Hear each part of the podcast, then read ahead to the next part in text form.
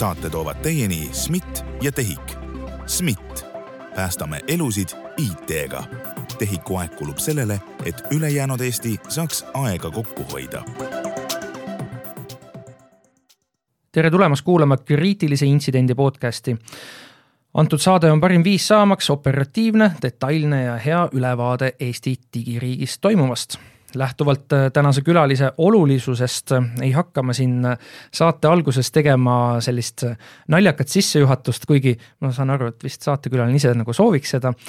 aga ma juhatan meie külalise sisse ja siis me hakkame vaatama, kui, kui tõsine või naljakas meie saade täna tuleb. saates on külas Välisministeeriumi digi- ja küberdiplomaatia osakonna peadirektor Tanel Sepp, tere. tere.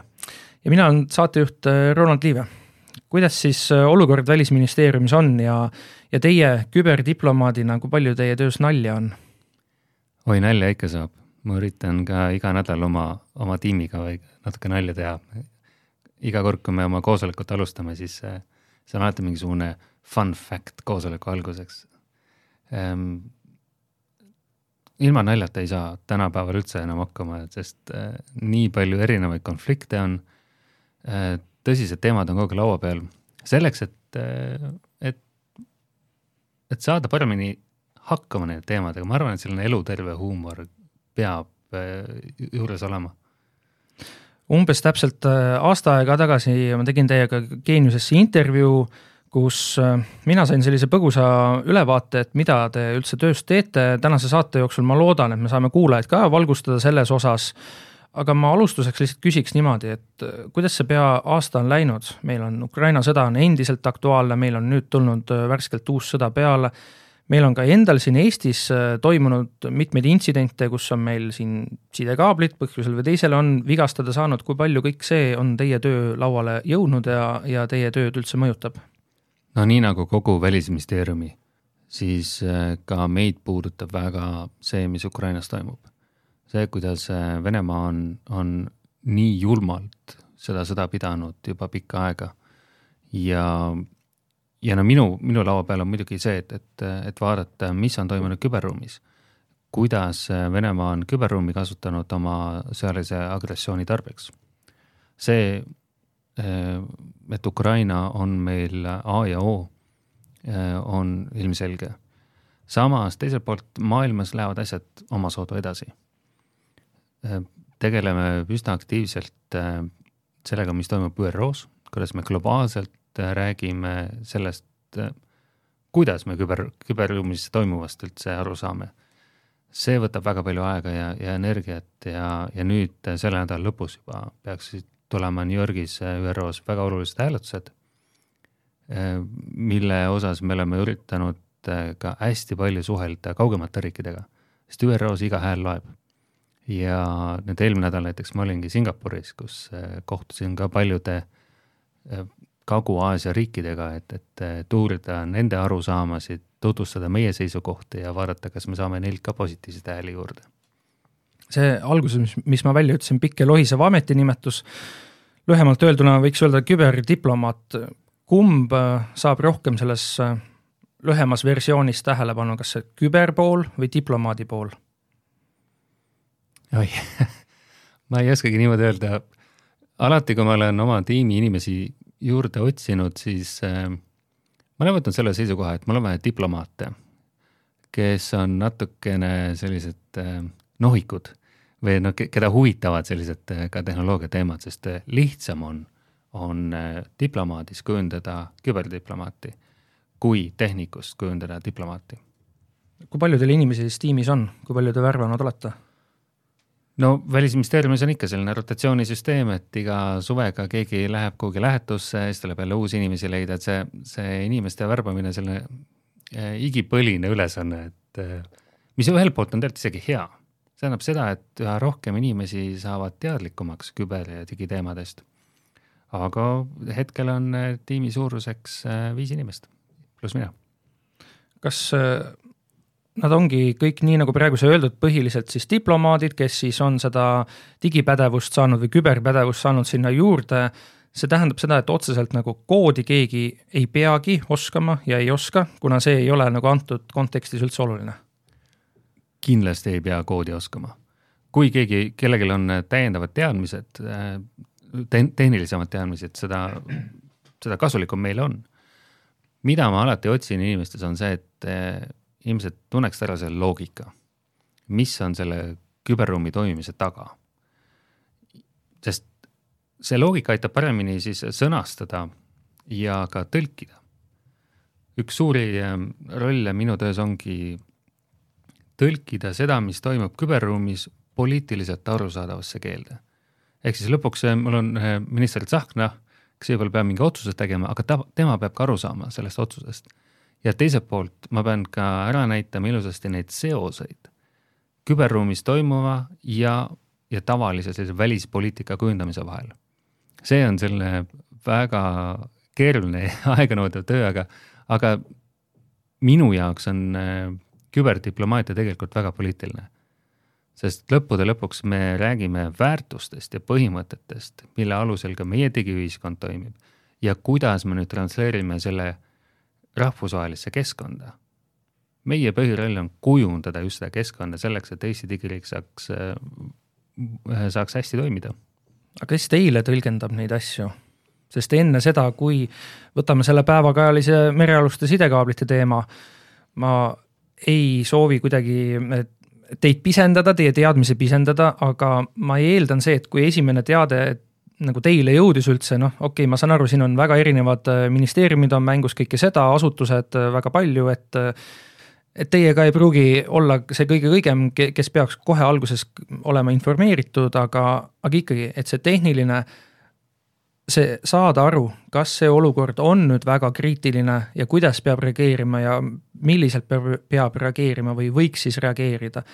Teile peaks ka keegi nagu nõu andma, kas teil on olemas selline nõuandev kogu siis IT-teadlikest inimestest? ma ütleks, et äh, absoluutselt on. ja see on kogu Eesti küberkogukond.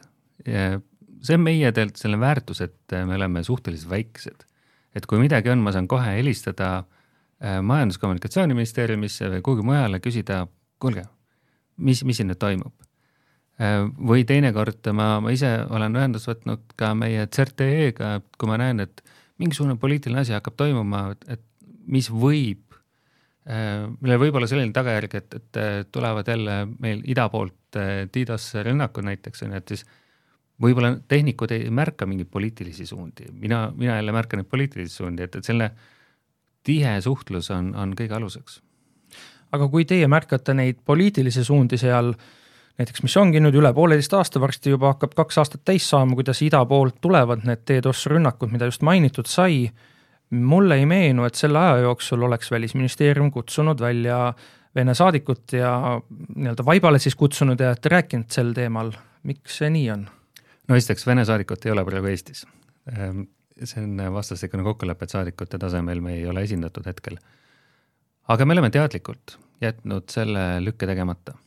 sest kui vaadata, kes meid on rünnanud, siis üldiselt need on sellised aktivistide grupid. ja kuidas aktivistid toimivad, no põhiliselt on mingisugune poliitiline motivatsioon, aga see, mis on nende kütuseks, on just avalik tähelepanu ja igasuguse omistamise avaldusega me just tekitame seda avalikku tähelepanu. ja me teadlikult ei ole tahtnud seda teha. aga kuidas, ähm, see, ma ka ei soovi neid omistada, nii et ähm, liigume nendest edasi siis, nagu on läbi käinud, äh, lisaks Välisministeeriumile on äh, meil Kaitseministeerium, siis on meil RIA, RIA alla kuulub CERT, siin on nagu tegelikult väga palju osapooli, mis mulle näib, et te peate väga tihedat koostööd tegema, kui te üldse üritate midagi nii-öelda ühe sõnumina kuskile edastada või saavutada ühte sama eesmärki. kuidas see koostöö välja näeb? koostöö näeb välja selliselt, et, et regulaarselt me käime ka koos, arutame seda, mis rahvusvahelisel tasandil toimub. aga ma küll ütlema, et see inimest, õigete inimeste kokkukutsumine on, on üha problemaatilisem, sest äh, sest äh, just rahvusvahelist äh, suhtlemist ja, ja reisimist äh, on lihtsalt nii palju, et peaaegu kunagi ei saa kogu seltskonda kokku. aga ka meilide teel või siis telefonikõne kaugusel on, on inimesed olemas. Ma tahaks natukene sellest sideteemast veel rääkida, mis taaskord tegelikult peaks olema teiste asutuste teema, aga kuna siin on ka välisminister sel teemal sõna võtnud, siis äh, kuidas teid on see mõjutanud, kuidas see teie tööd on mõjutanud, mida te teinud olete? viimastel kohtu-, rahvusvahelistel kohtumistel, kus ma olen käinud, on, on suuremal või vähemal määral äh, hakatud äh, rääkima just ka merealusest taristust, ehk siis kõik, sest nende kaablite toimel ju kogu, kogu internet toimibki. meil on küll satelliitside olemas, aga enamus infost käib läbi merekaablite. ja, ja see, mis nüüd äh, ka Soome lahes siin nüüd äh, juhtus, Läänemerel, see, see on kõigil silmi natuke rohkem avardanud et varasemalt räägiti sellest kui nagu teoreetilisest äh, haavatavusest. Äh, teiselt poolt nüüd on reaalne näide olemas. eks vaatame, kuidas see, see uurimine edasi läheb, mis tulemuse see annab ja, ja siis võib-olla äh, tuleb meile see ülesanne, et vaadata, kuidas me neid sõnumeid kujundame ja, ja kellega, kuidas suhtleme veel edasi. et sellist meie enda liitlastega suhtlust Soome-Rootsiga välisministeeriumi tasemel seoses nende kaablitega pole olnud no sellist suhtlemist ikka on.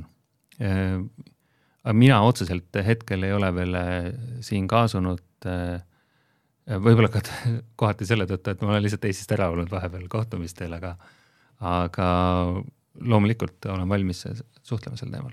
kas see, selline temaatika üldse kuulub teie osakonna alla või on Välisministeeriumis veel mingine teine, kolmas, neljas osakond, mis on õigemad seda teemat lahendama? ma vastaks sellele natukene teistmoodi tegelikult, sest äh, neid teemasid, mis äh, seonduvad äh, küberruumiga, uute ohtudega, neid tuleb järjest juurde juurde.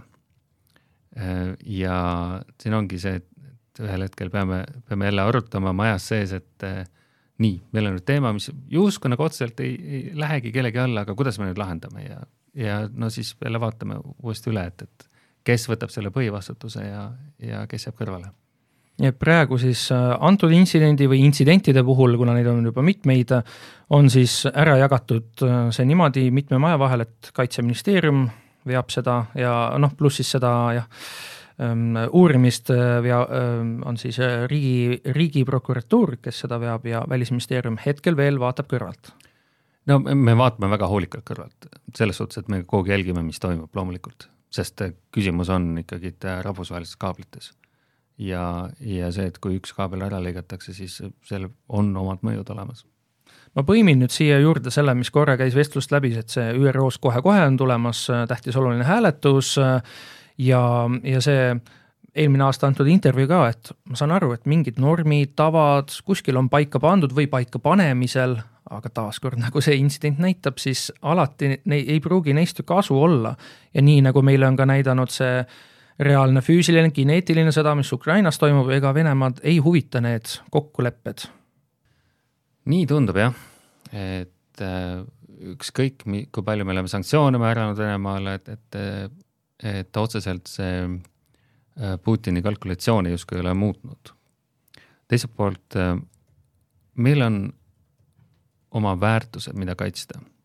Need väärtused ja põhimõtted, mille, mille alusel meie kogu ühiskond toimib ja sama on ka, ka küberruumis. meil on olemas rahvusvaheline õigus, mida kõik riigid on, kõik riigid on öelnud, et, et rahvusvaheline õigus on, on kehtiv ka küberruumis. ja nüüd küsimus on selles, kuidas. ja, ja ÜRO tasandil ja ÜRO-s meil ongi selline asi nagu Open-Ended Working Group, mis on ainukene globaalne foorum, kus me üldse saame nendest, nendel teemadel äh, arutada. siis seal on väga keeruline jõuda kõikide maailma riikidega samale arusaamale. aga meie jaoks äh, on ilmselge see, et küberruum ei ole selline metsik lääs, vaid meil on raamistik olemas. ja selle raamistiku raames on meie ülesanne nüüd äh, teha kõik võimalik, et tagada riikide vastutustundlik käitumine küberruumis. kui riigid käituvad vastutustundetult, noh, siis on äh, esimene asi on see, et, et vaatame, kas, kas äh, me saame kas näpuga näidata või, või näidata, missugust rahvusvahelist normi on rikutud. ja aga me saame ka lõpuks minna Euroopa Liidu tasandile ja, ja see Euroopa Liidu tasandil me saame juba rääkida ka, ka muudest meetmetest, mida ette võtta, nagu sanktsioonid. aga kuidas te käitute olukorras, mis tegelikult meil praegu on, nagu korra juba mainitud sai, et ähm, tegelikult ründaja pool ei ole otseselt üks konkreetne riik, vaid on selline aktivistide kogukond, siis on ju väga raske hakata riigi tasandil siis midagi ütlema, et nüüd neid korrale kutsuda. jaa, aga siin, nagu ma enne ütlesin, et on ka olukordi, kus me oleme teadlikult mitte öelnud, sest see on võib-olla valusam isegi see oluline hääletus, mis, mis sellest siis saab, kui läheb äh, nii, nagu te ei soovi? Küsimuse all on nüüd see, et ähm, missuguses äh, formaadis me jätkame küberjulgeoleku arutamist ja rahvusvahelise õiguse kohaldamist, kohaldamist küberruumis. ja hetkel on ÜRO selline ajutine, ajutine variant, aga meie tahaksime, et see oleks, et oleks alaline mehhanism, mis aitaks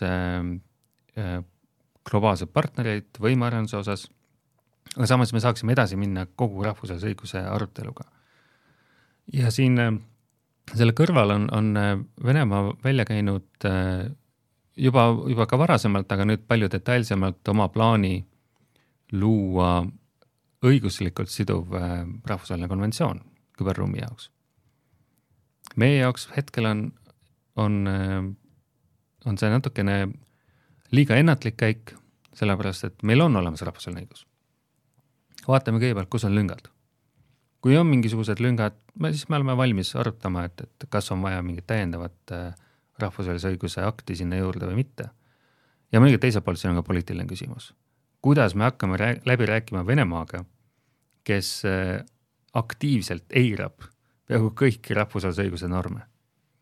et see on selle väga, väga kummaline olukord tekkimas, et aga no see on see, see põhialus siin, et kuidas me jätkame edasi arutelusid, kuidas me üldse saame jätkata globaalsel tasandil arutelusid.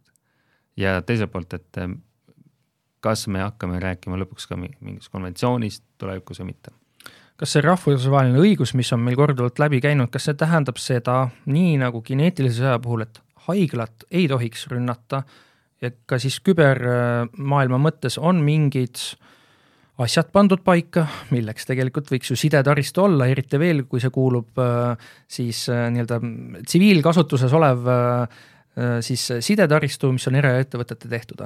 kas see ei peaks olema selline asi, mida ei tohiks ka sõja korral vaenlase oma minna kuidagi seal susima siis?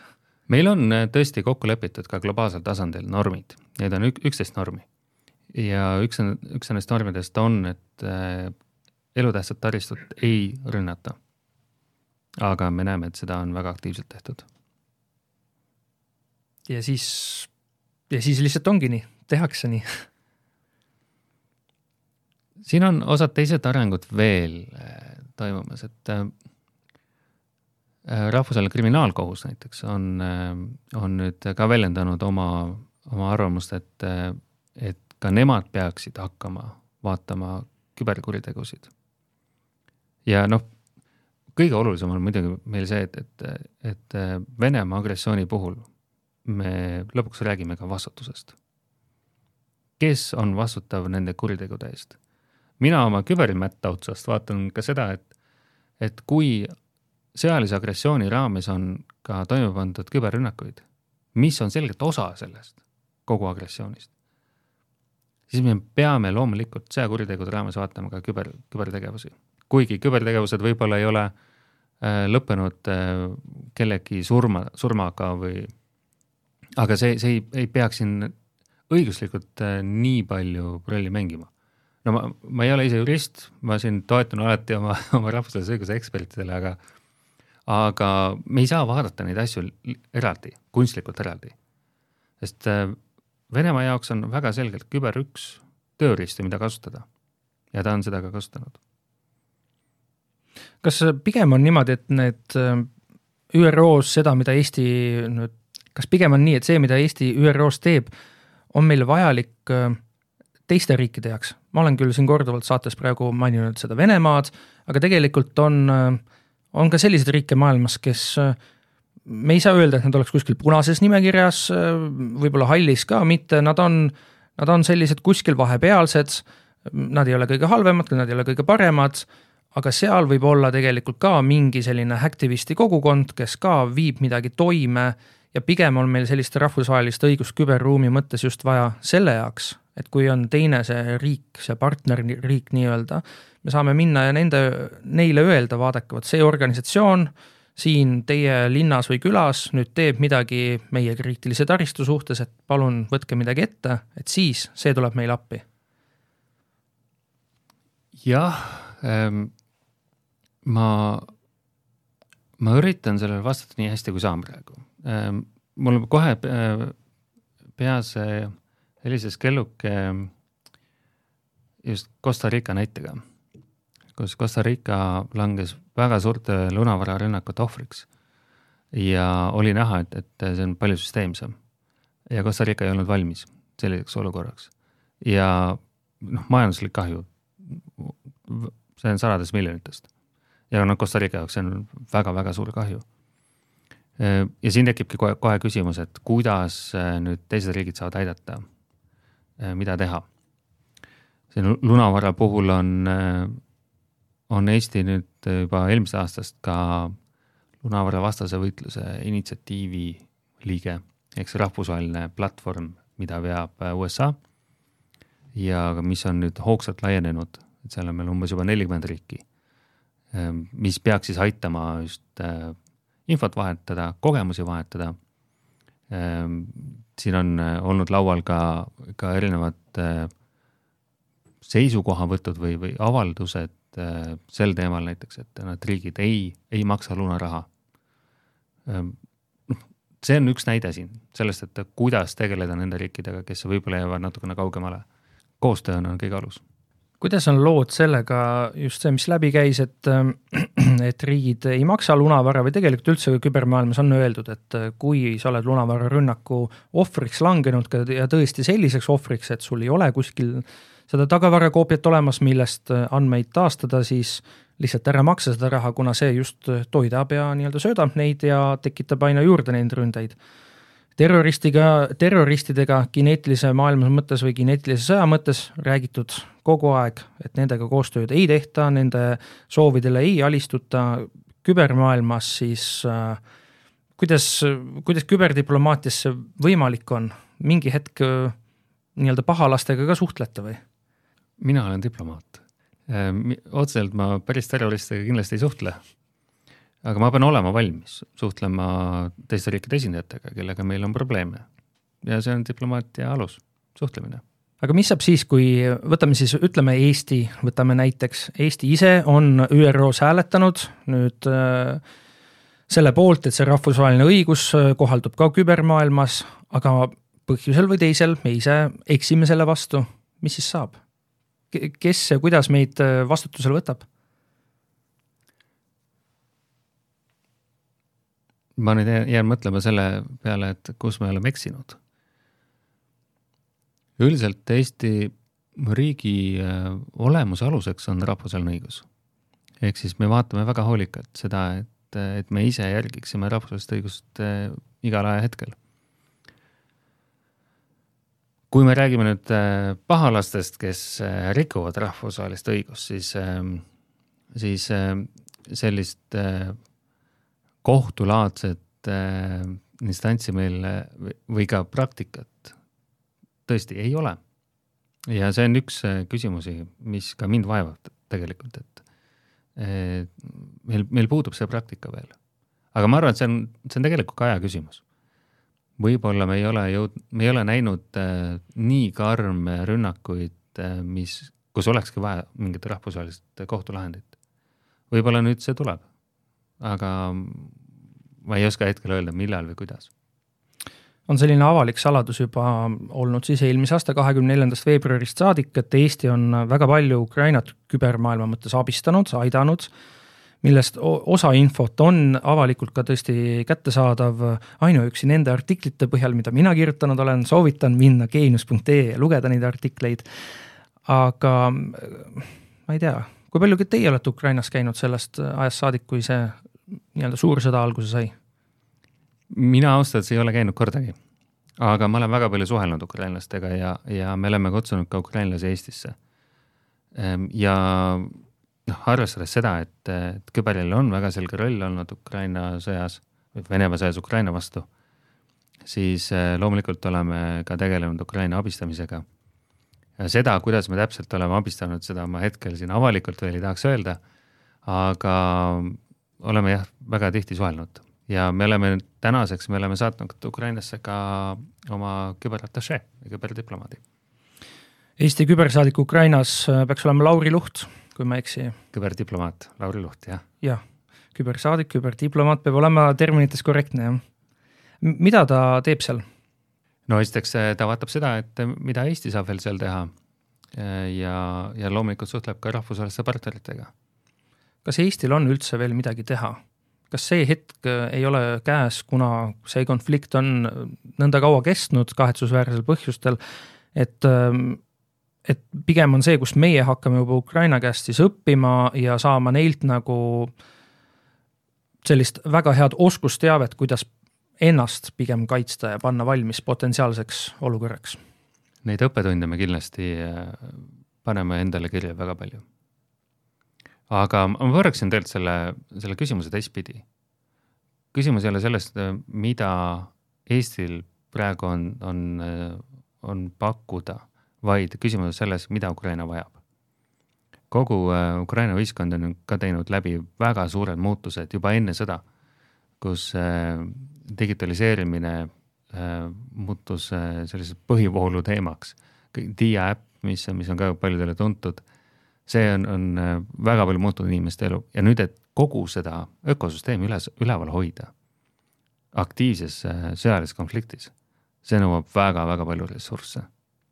ja noh, minu loogika ütleb seda, et noh, see oleks üks koht, kus, kus rahvusvaheline kogukond saab veel Ukrainat kindlasti aidata ja peabki aitama. ma tahaks selle Ukraina kohta väga palju küsida kas mul on üldse mõtet küsida või vastus jääbki nii, nagu ka korra juba kõlas, et ma ei saa kõigest rääkida? millal on see hetk, millal tuleb, kus Välisministeerium avatud kaartidega räägib, vot see on see abi ja nõu, see oskusteave, mida me ukrainlastele andsime, vot sel ajahetkel ja see on see, mis me nii-öelda vastu saime? ma jään diplomaatilist vastuse võlgu, aga kindlasti äh, varsti me saame natukene rohkem rääkida anname kuulajatele mingi see, sellise, ma ei tea, maitse suhu, et mis see on um, ma loodan, et paari, paari nädala jooksul me saame, saame natukene avalikumalt rääkida osadest asjadest vähemalt. ja kui me ei vaata Ukrainat, kas teine praegu päevakajaline teema, sõda, konflikt, mis on Iisraeli ja siis terroriorganisatsiooni Hamasi vahel, kui palju see teid kui küber, küberdiplomaati on mõjutanud? see on eelkõige mõjutanud mind kui diplomaati. ja just äh, jälgides seda, mis, mis üldse maailmas toimub, kes, äh, kes kus ründab, mis, mismoodi, kuidas see mõjutab üldist poliitilist fooni ja kuidas see lõpuks hakkab mõjutama seda, mida mina saan rahvusvahelisel tasandil üldse teha. see on see, see nagu pilk äh, mis on minu poolt suunatud sinna. aga teine, teine selline potentsiaalne ohukoht, millest minu kolleegid ka mujal riikides räägivad väga palju ja kus praegu spekuleeritakse või noh, mõeldakse, et, et mis võib juhtuda, kuidas, on loomulikult seotud Taiwaniga. pinged Taiwani ja Hiina vahel ja kuidas see hakkab mõjutama, sest tehnoloogia kontekstis on sellel palju suurem äh, mõju. kui me võtame mikrokiipide tootmise äh, tarneahelate teema, siis äh, see on, on tõesti selline ülimalt kriitiline olukord. kas küberdiplomaadid üle terve maailma on pannud paika mingite normide ja tavadega seda, et kui eraettevõte mis ma saan aru, et läbi erinevaid tütarfirmade kaudu ikkagi omab äh, nii-öelda riigiga seost, et nende poolt toodetud riist- ja tarkvara ei tohi siis nii-öelda halbadel eesmärkidel ära kasutada? no meil on Eestis Huawei näide olemas. Ehm, ehk siis äh, teatud regulatsioon on olemas. Ehm, kuidas võib-olla mingite muude tehnoloogiliste vahendite kas siis ristitarkvara puhul edasi käituda, eks, eks see, see tuleneb ka sellest praegusest praktikast, aga eks, eks Majandus- ja Kommunikatsiooniministeerium ka vaatab seda, et, et, et kus on veel mingid kriitilised lüngad või mitte, kus neid ei ole, et see on nende töö. Kas lähtuvalt sellest, et Iisrael on väga digiteadlik äh, riik, seal on väga palju maailmakuulsaid idufirmasid, kõik suured tehnoloogiaettevõtted omavad seal oma kontoreid, näiteks nende piir on ka tegelikult digitaalses mõttes väga-väga turvatud, antud siis intsident äh, on äh, ka Välisministeeriumi vaatest jõudnud selle nurga alt just teie lauale? natukene teise nurga alt on jõudnud. ja siin Äh, ma toon uuesti Ukraina tegelikult sisse, sellepärast et varasemalt äh, erinevad teadurid, ajakirjanikud on kirjutanud sellest, et äh, kas nüüd tuleb küber Pearl Harbor, küber selline tohutu rünnak, siis kõigepealt Ukrainas, mis me nägime, sellist asja ei, ei tule. pigem küberit lihtsalt kasutatakse ühe vahendina. ja, ja üks teine selliseid märgilisemaid asju minu jaoks Ukrainast on see, et, et raketi tabamus, ütleme, lastehaigla, mis saab raketi tabamuse, on palju suurema äh, mõjuga, nii psühholoogilise, füüsilise mõjuga, kui on näiteks mingi meditsiinivahendite töö häirimine küber, küberrünnaku kaudu.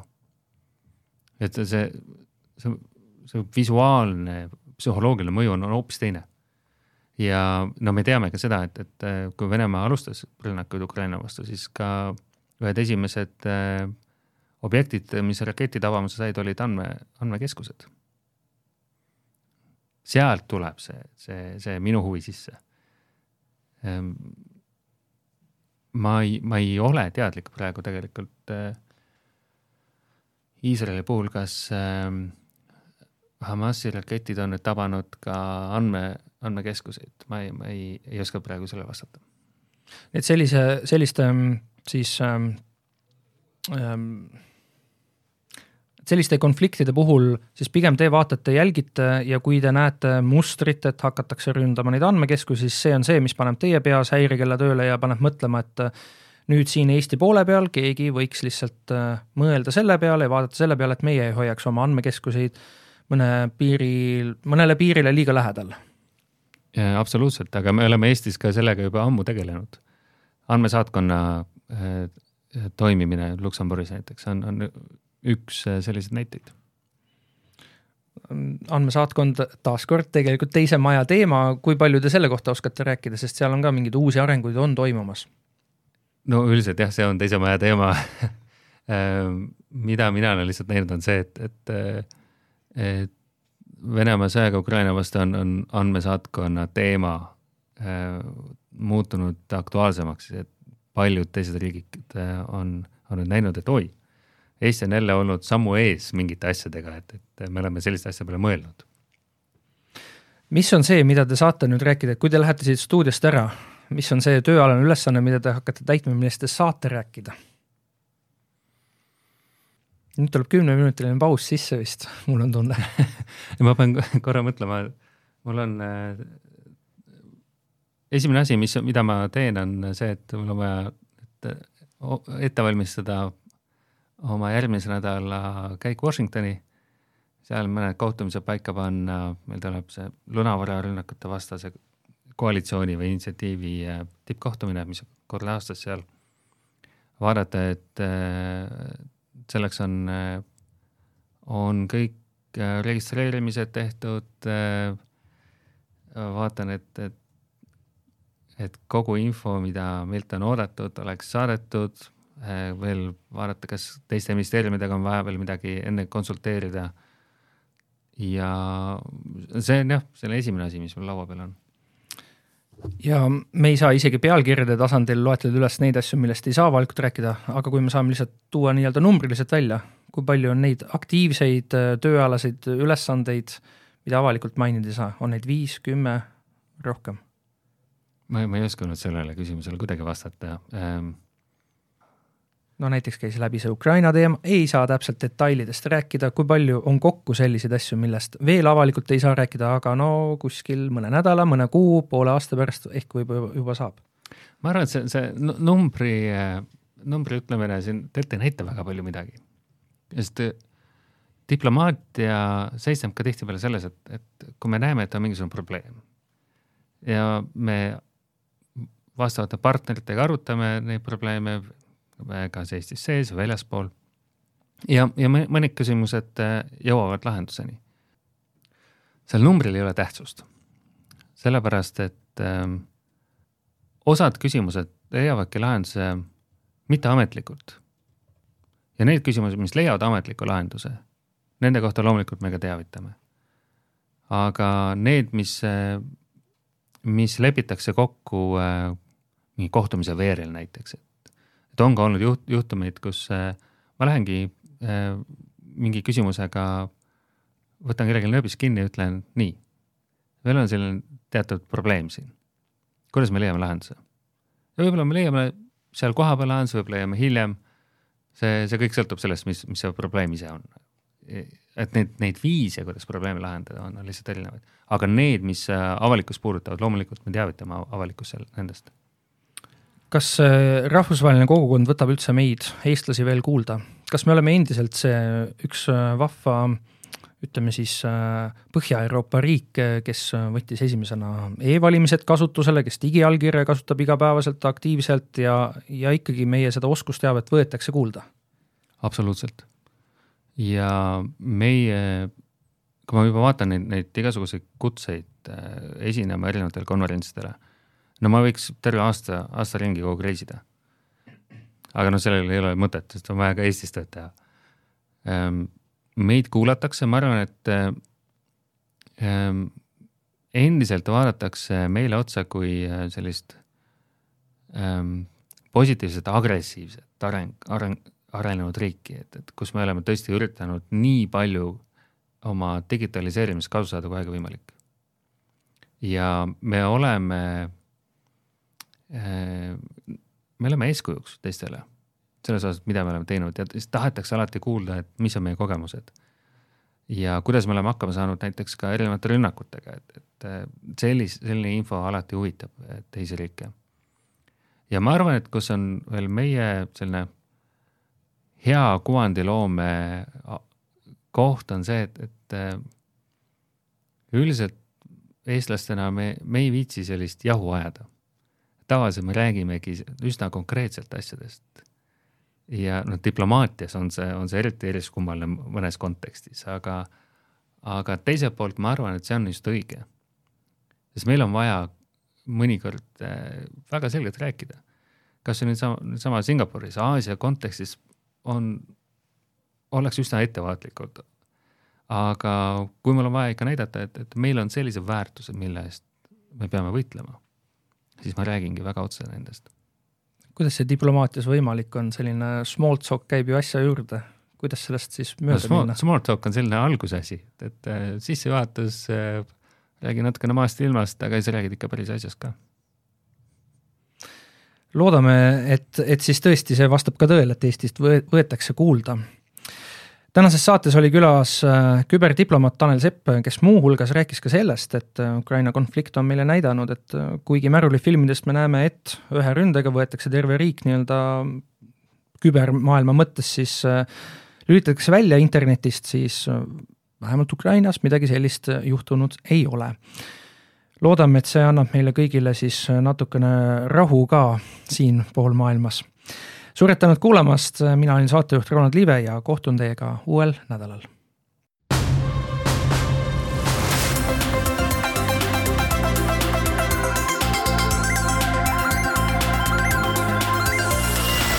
saate toovad teieni SMIT ja TEHIK. SMIT, päästame elusid IT-ga. TEHIK-u aeg kulub sellele, et ülejäänud Eesti saaks aega kokku hoida